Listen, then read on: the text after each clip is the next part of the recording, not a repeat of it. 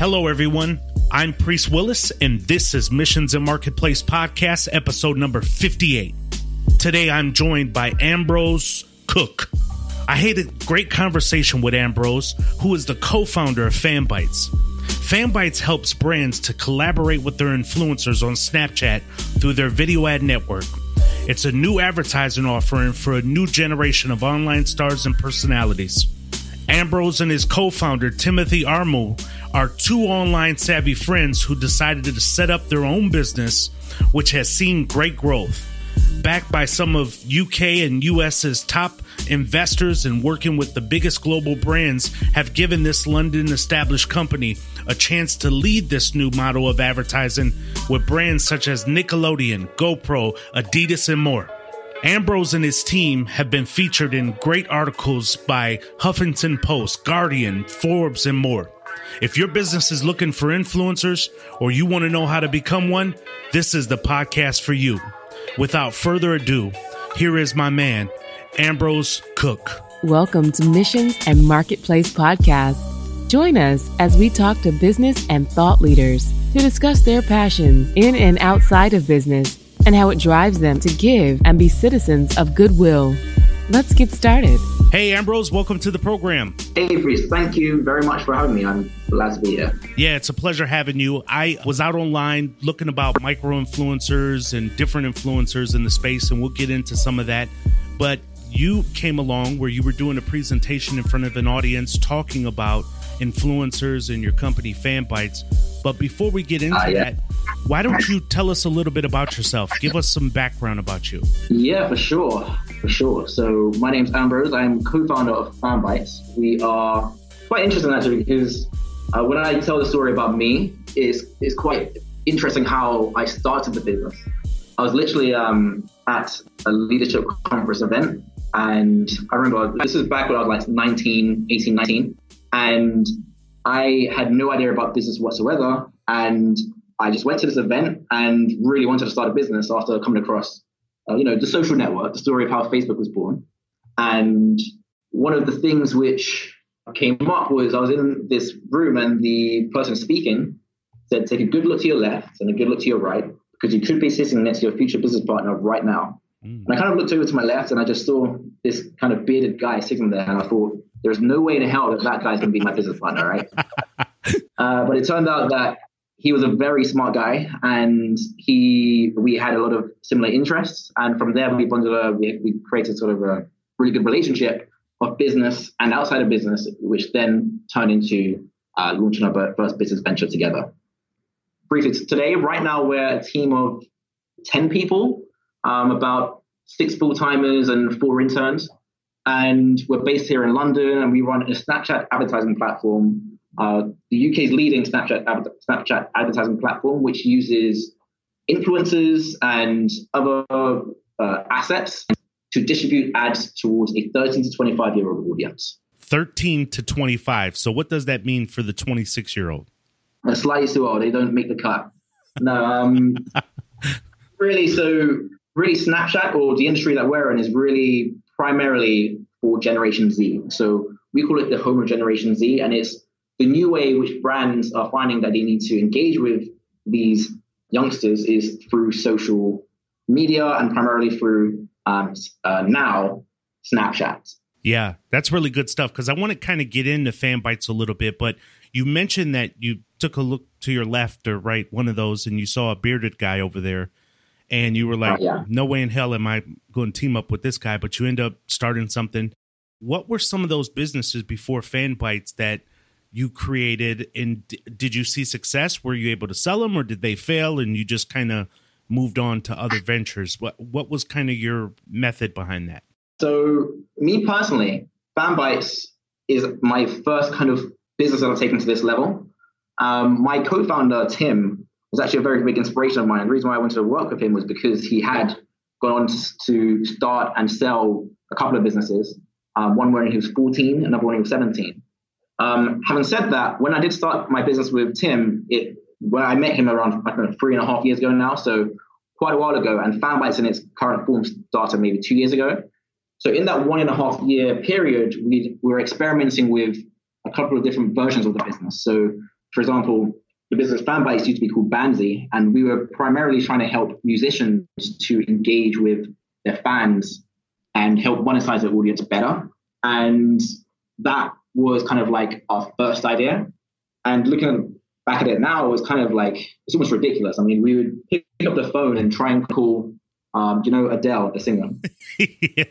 yes. We'd try and call someone like Adele and say, "Hey, would you like to go jet skiing with your fans?" And obviously, we couldn't even get through to Adele.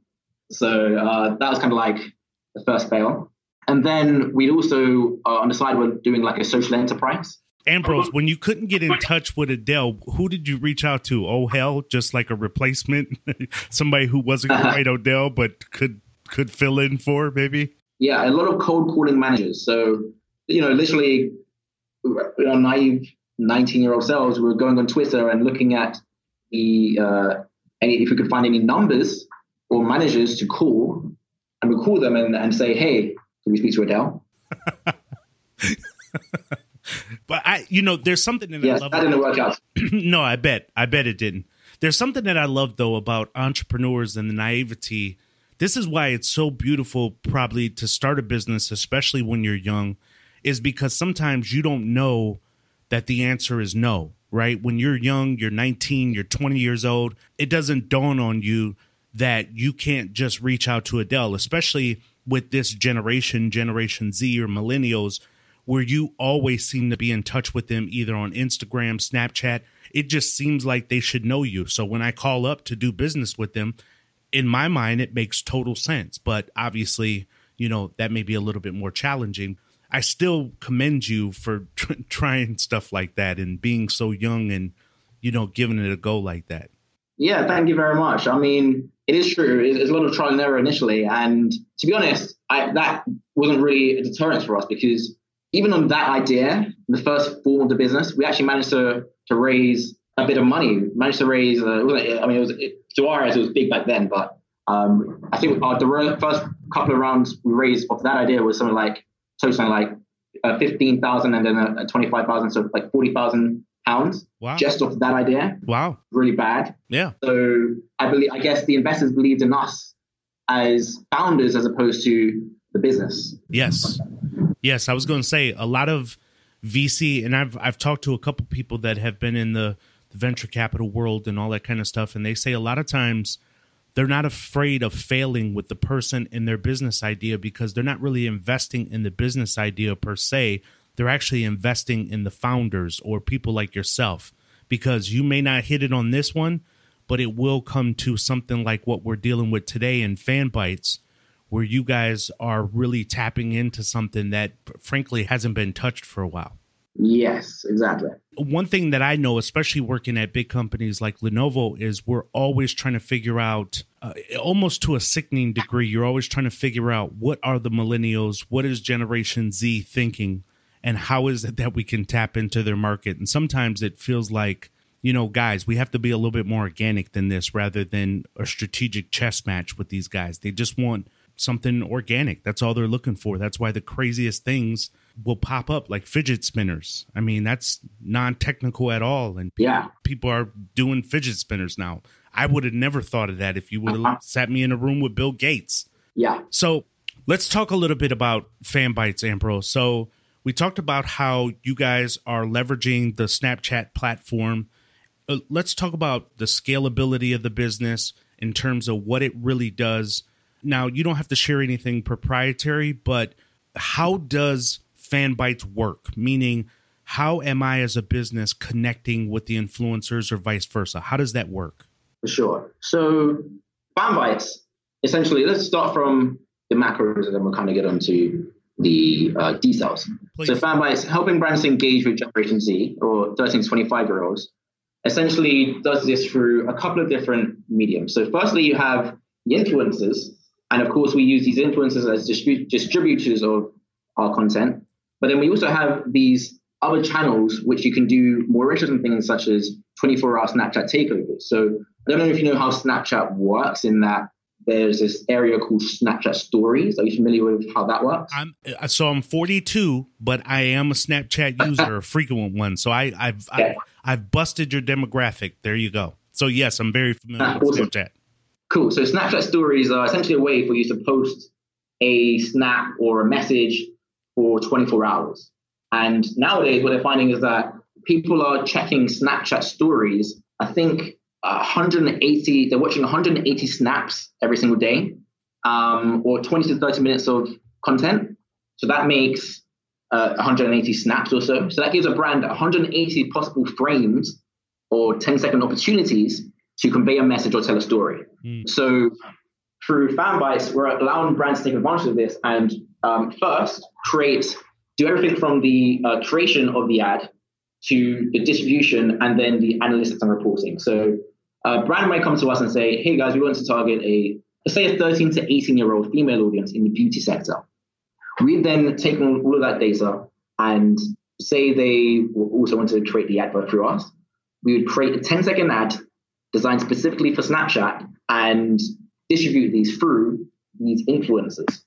And these influencers are influencers who have been vetted and checked on their engagement scores by what we call the Fanbyte score, uh, which is a score out of 100, which ensures that they have the engagement levels to distribute a good ad.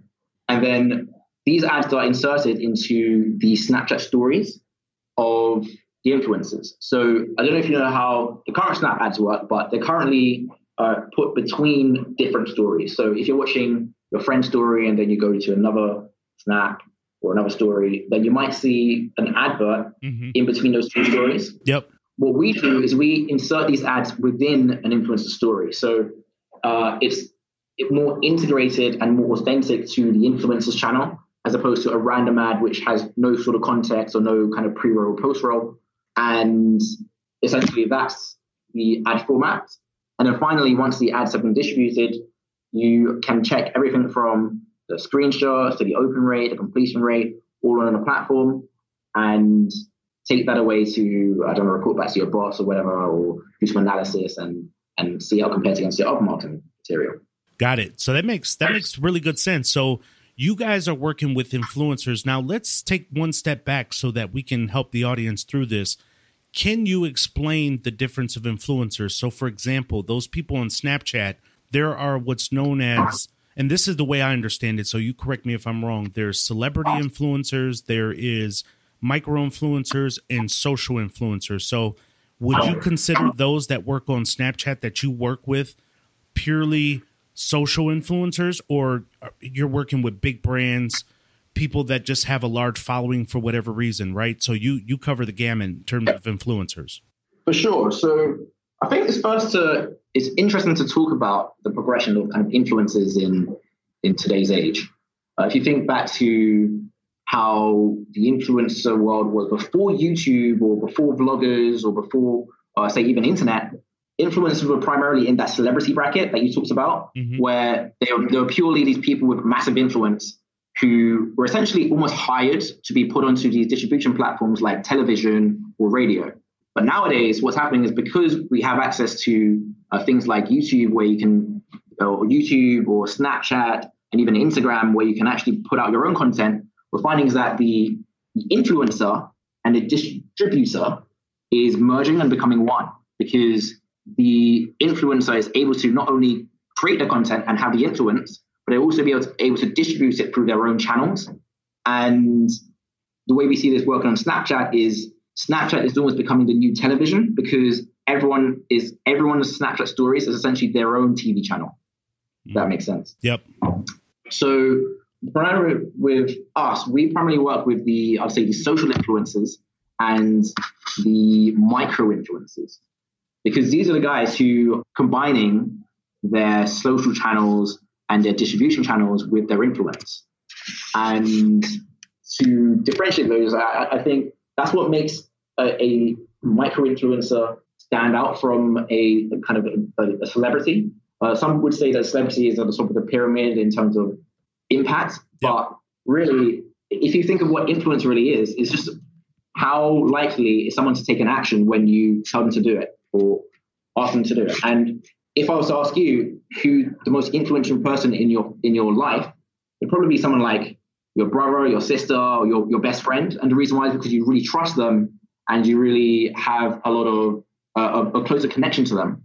Um, these influencers, these micro influencers and social influencers, because they're vlogging on every on an everyday basis and they're more relatable, they almost have that same connection with you as your brother or sister, and therefore they have more influence over you. So now combining that with their own distribution platforms like YouTube, Snapchat, Instagram, they're able to uh, become even more powerful than the the old fashioned celebrities. So you think influencer marketing, and and I, I, don't mean to put words in your mouth. I, I guess this is a question. Do you think influencer marketing is here to stay, or do you think it may change its face over the years? But uh, where do you think this is ultimately going? Do you think we'll move away from celebrities and because now I'm looking at TV and I'm watching people that were quote unquote influencers on YouTube and they would make small skits. Now they are the people in demand on TV over regular actors. So do you think this influencer thing is just getting bigger or is it somewhat getting saturated in a sense? So I think it's uh, the answer to that is actually is a bit of both. Uh, in that more people have access to YouTube and to high quality cameras to shoot these videos and create their own following. So it is getting saturated, but there are always these new platforms popping up. So not only is there now Snapchat, but there's also another platform called Musical.ly. I'm not sure if you're familiar with, with Musical.ly. Oh yeah, my daughter um, uses Musical.ly. There you go. So that's also becoming popular amongst the kind of uh, even younger audience, like 13 to 17. And as long as you can create an engaging channel, there's no reason why not to maintain that influence over your audience. But what I think will happen to the celebrities or the people who being used on a more ad hoc basis, maybe on just only featuring in um, in, in TV skits here and there, is they need to stay active on their social channels, and without that constant activity, they may start to fade out. So, does influencer marketing in general work for every brand, or are there brands that you've tested with and have failed, or just in general just doesn't make much sense? Yeah, so this is an interesting one because ultimately our business success is kind of defined by how well we retain clients mm-hmm. and how well we deliver results for them. So over time, we're seeing patterns in which brands work best for influencer marketing and which brands don't work that well for influencer marketing. And what we found is that I can only kind of speak for uh, what we found, but on something like Snapchat is the brands which work the best are those brands which fit the form of the content. So there's this idea which we like to call advertainment. What this basically means is we're creating. So if you have uh, typical advertising is you want to kind of get a lot of reach in an advert. You want to get this ad in front of as many people as possible and just hope that someone clicks on it. One level deeper than that is you want to maximize the engagement. You want to maximize the number of people who are actually commenting, liking, reposting your content and doing something like that. But if you go one level deeper than that, then you get to something that we call advertainment. And this is essentially how many people can you not only get to take an action on your brand or, or engage with your brand, but how many people can you get to be emotionally affected by your brand and also to invest their time and want to essentially gain they, they gain they, they buy into the brand more right so in terms of who does this work best for, what we found is that brands like music and entertainment brands, or brands like um, like one of our clients is is uh, in Universal Music. What you find is that say you want to promote a new single or a song, that's a fun thing to do. So it's not like, hey guys, check out this random revision app, which although you're in the right audience, you're with the right age, and you kind of need this. Uh, I want you to go and revise rather than being on Snapchat. We're saying, hey guys, I'm listening to this song and it's really cool check out the next snap and you can listen to the song. And then that's automatically fitting the entertainment factor of Snapchat.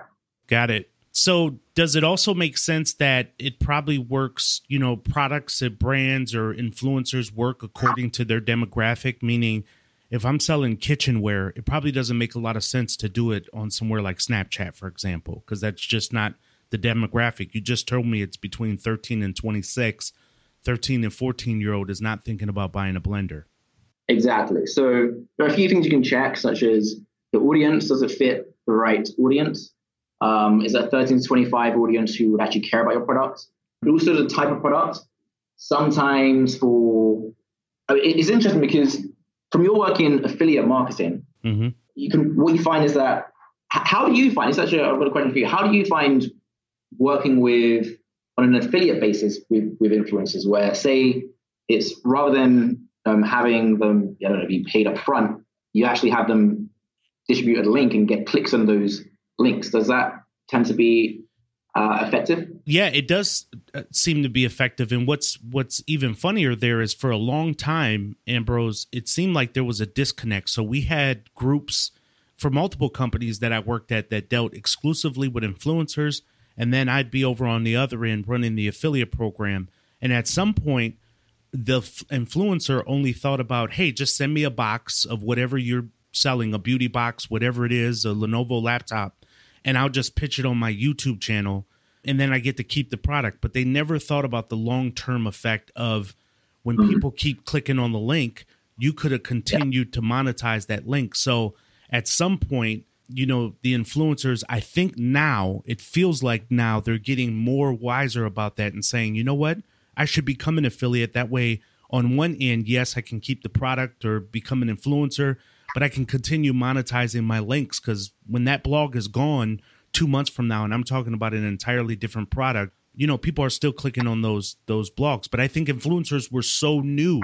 Like people that came in as influencers, they weren't digital marketers, so they didn't they thought affiliate marketing to some level was something totally different and scammy maybe or whatever the case is and they finally draw the line that said oh yeah i can earn money making passive income doing this thing. So yeah, it really works for the affiliate side. Yeah, for sure. Okay. The reason why I kind of brought it up is because depending on your product, you might want to think about the form of influence marketing you're using.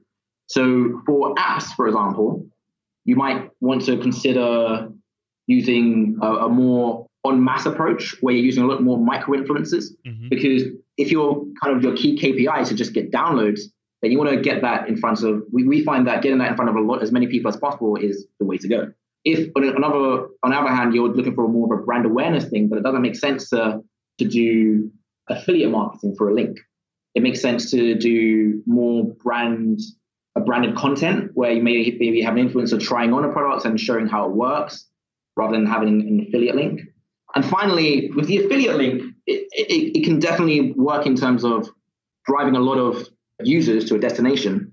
But what we what we found anyway is that sometimes when you bring an affiliate link into the mix, then you can get a lot of clickbait mm. because the influencers catch on and they think, oh well, as long as I get the more I, I'm being paid for every click I get on this, I'm just going to get these out as much as I can and not really care who's viewing it, and they they get some clickbait. So how do you kind of combat the clickbait? So typically, as an affiliate program, I make sure that we never run it as a CPC, a uh, cost per click, that we do it as a CPA, which is a cost per acquisition, to eliminate just the clickbait. Because you're right, a lot of people, if you're just paying right on clicks, they can send a bot to that and click you all day long, and you'll be paying through the nose, and it'll be the most expensive campaign that you've ever run.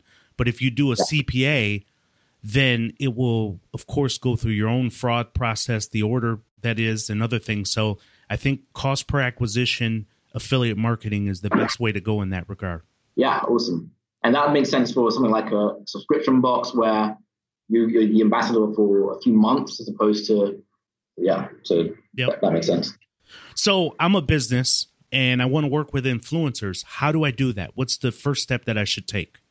Reach out to Fanbytes? Well, to be honest, I think the first thing you can do is, I mean, you can try and, if I was to do it, and I and I, I hadn't really heard of of these platforms, is I first try and do it myself. I'll do it. I'll, I'd approach maybe one or two influencers directly, and you could go straight on, say, um, I don't know, YouTube, and then find their their uh, every influencer knows to display their emails in their about me section. So find that, do some maps, figure out what a good cost per install or cost per acquisition or cost per user or cost per sign up might be for you. Then work backwards to decide how much you want to pay the influencer based on your expected conversion rates.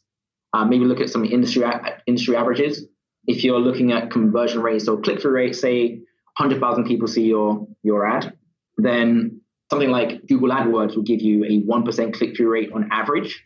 Um, influencer marketing should give you three to eight percent click through rate on average. Um, and if you're going for a really niche audience, then you can see upwards of 15 or even 20 percent on the click through rate. So using these benchmarks, you can figure out roughly how much to pay the influencer and see if it works. And if it is working and you're getting a good ROI, then I'd go to someone who knows what they're doing and has tons of influencers um, sign up to a network. So it could, could be Fanbytes if you're looking for Snapchat. It could be um, FameBit is really good for YouTube.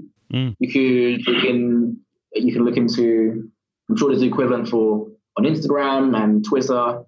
Go to someone and just give them a budget, a test budget, and say, hey, let's see what you can do with this. See if they can get similar or even better uh, ROIs than you've been getting yourself. And if they are, then scale up from there. So, why is your focus only Snapchat? Is it because you've tried to play around in the other markets and the value just isn't there?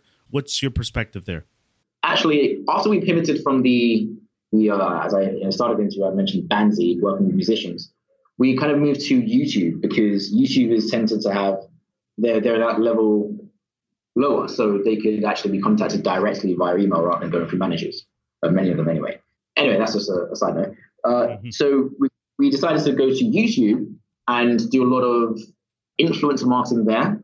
And we gained a lot of experience there, but then we realized that it's a, quite a crowded market and it, the, the solutions are actually already there. So we took all of our learnings from what was working on YouTube and applied it to an industry which was being paid no attention whatsoever, which is Snapchat, because it's been paid no attention for uh, a few reasons, such as it's very hard to build tech around it.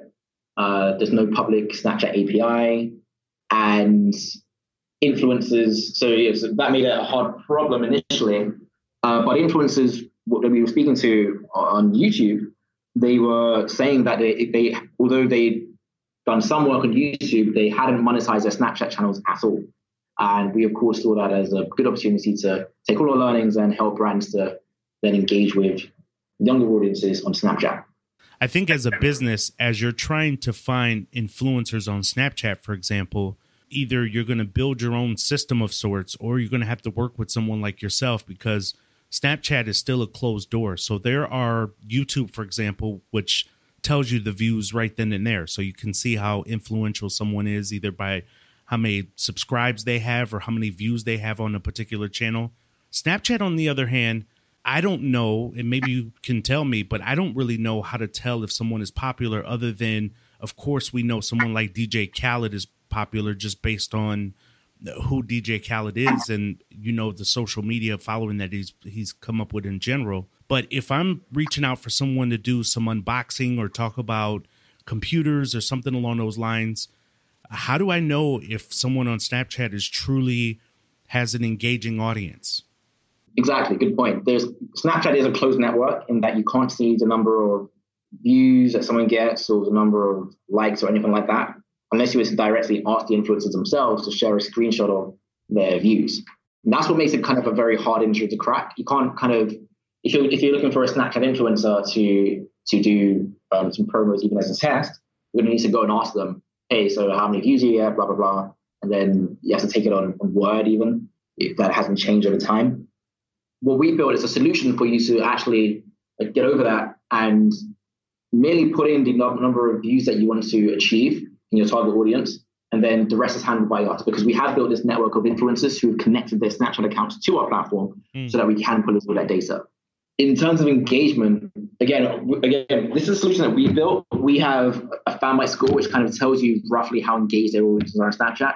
But if you were looking to try and figure it out on your own, then the best bet would be to look from platforms how big their engagement is there, and then to follow them on Snapchat and just see what sort of content they're putting out. Got it. So, Ambrose, are you guys only in the UK or where are you guys operating? So, we're currently based in the UK, yes, in London. We are based here. However, a lot of our operations also include uh, audiences in the US because the US is, uh, I think they've got like 50 million daily active users on Snapchat compared to UK, which has something like uh, I think 11 million last time I checked. So a lot we do we do have a lot of business in the US as well. That's good stuff. So I, I guess my last question here before we wrap up is, you know, what are some other tools that as a business because you guys are very data driven, which I really enjoy data driven companies because men lie, women lie, but numbers don't, as Jay Z said. But w- ah. what are some other tools that could help me find and track influencer performance for my business? So if I don't necessarily have the money, I have a startup, but I'm still trying to really gauge influencer performance and stuff like that. Do you know of any free freemium type software out there I could use?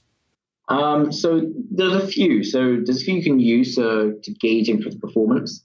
I think check out something called BuzzSumo. I think BuzzSumo. It's like an influencer meta search engine. Uh, check out a platform called Channel Crawler. They allow you to search by by keywords as well, which is good. Um, and then there's these other platforms like Social Blade, which I think tries to rank influencers and tell you how much they earn and that sort of thing. Um, so those are three that I can think off the top of my head, which could be useful to check out. Other than that, learn, maybe speak to a few different influencers and directly. And uh, influencers nowadays, especially micro influencers, are really uh, approachable. So arranging a, a session with them and have them send over their race card could be useful. That's really good stuff. So, hey, look, I was doing a little Instagram stalking on you, and uh-huh. I saw the last image that you had up where you had a, a, post, and I believe it was with Timothy and another coworker, possibly. You had in quotes there, you said, building a team is hard, but when you get it right, the return is beyond just financial. There's knowledge, health, happiness, and above all, friendship. How have the up and downs been? Yes. You have a team of 10 how have the up and downs been of building your business and building a core team that you can trust and truly call friends? So this is obviously like one of the the, the best parts of, of building a business is that you get to build your own team. I remember when it was just me and my co-founder, and uh, it was just us two for a couple of years working on the previous idea and then building it to what it is today. We're raising investment, and one of the things that hit us was that we we were literally in control of not only what business business we build, but who we share the journey with, and that was quite a profound realization. We have made some good hires in the past. We've made some really bad hires in the past. We've had some people join and then leave. We've had to fire some people. We've had some people absolutely love it here and want to stay and and throughout all of these processes and learning phases, we've kind of learned about how it, what it means to be an actual leader in industry, especially at our young age, and how to take extreme ownership over everything that happens in the company. So, whilst we might hire someone and they might not do a good job and then we end up firing them, there may have been a, a ton of reasons why that person wasn't doing a good job. Maybe we didn't provide the right tools for them. Maybe we didn't train them properly, or maybe there weren't the right procedures in place for them to actually do their job properly, or maybe we just didn't set up the right working environment and they felt like they couldn't contribute as much as they'd like to without being threatened. So all these things we've kind of learnt, grown from, and are now implementing better in the business that we've processed today. We want to thank today's sponsor, Namecheap. Are you trying to find a domain registration company or a host that best fits your need? Namecheap is a domain name registrar and a web hosting company that I've worked with since 2002. They were established in 2000.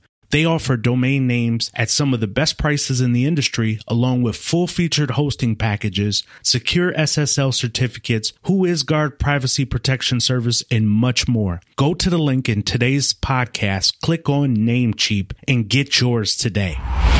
What can we look from you in the future from the team, yourself personally? What do you have in line this year and closing out the year?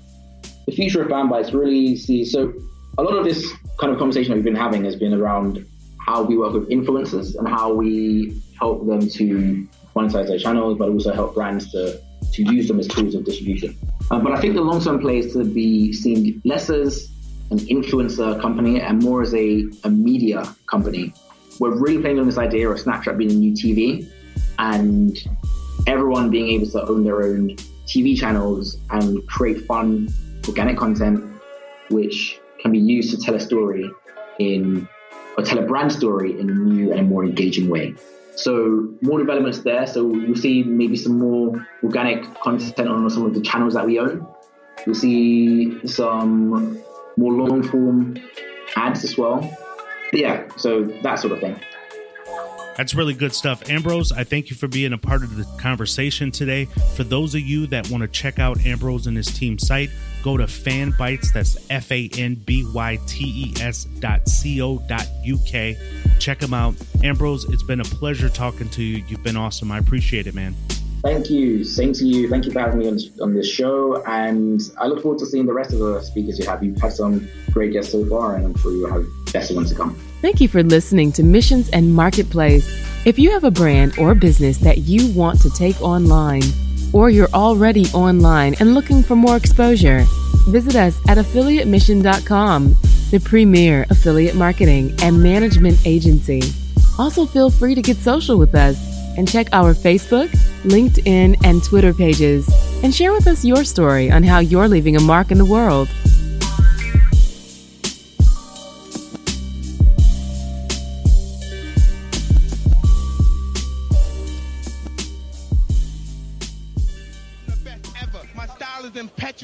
My defense is impregnable, and I'm just ferocious.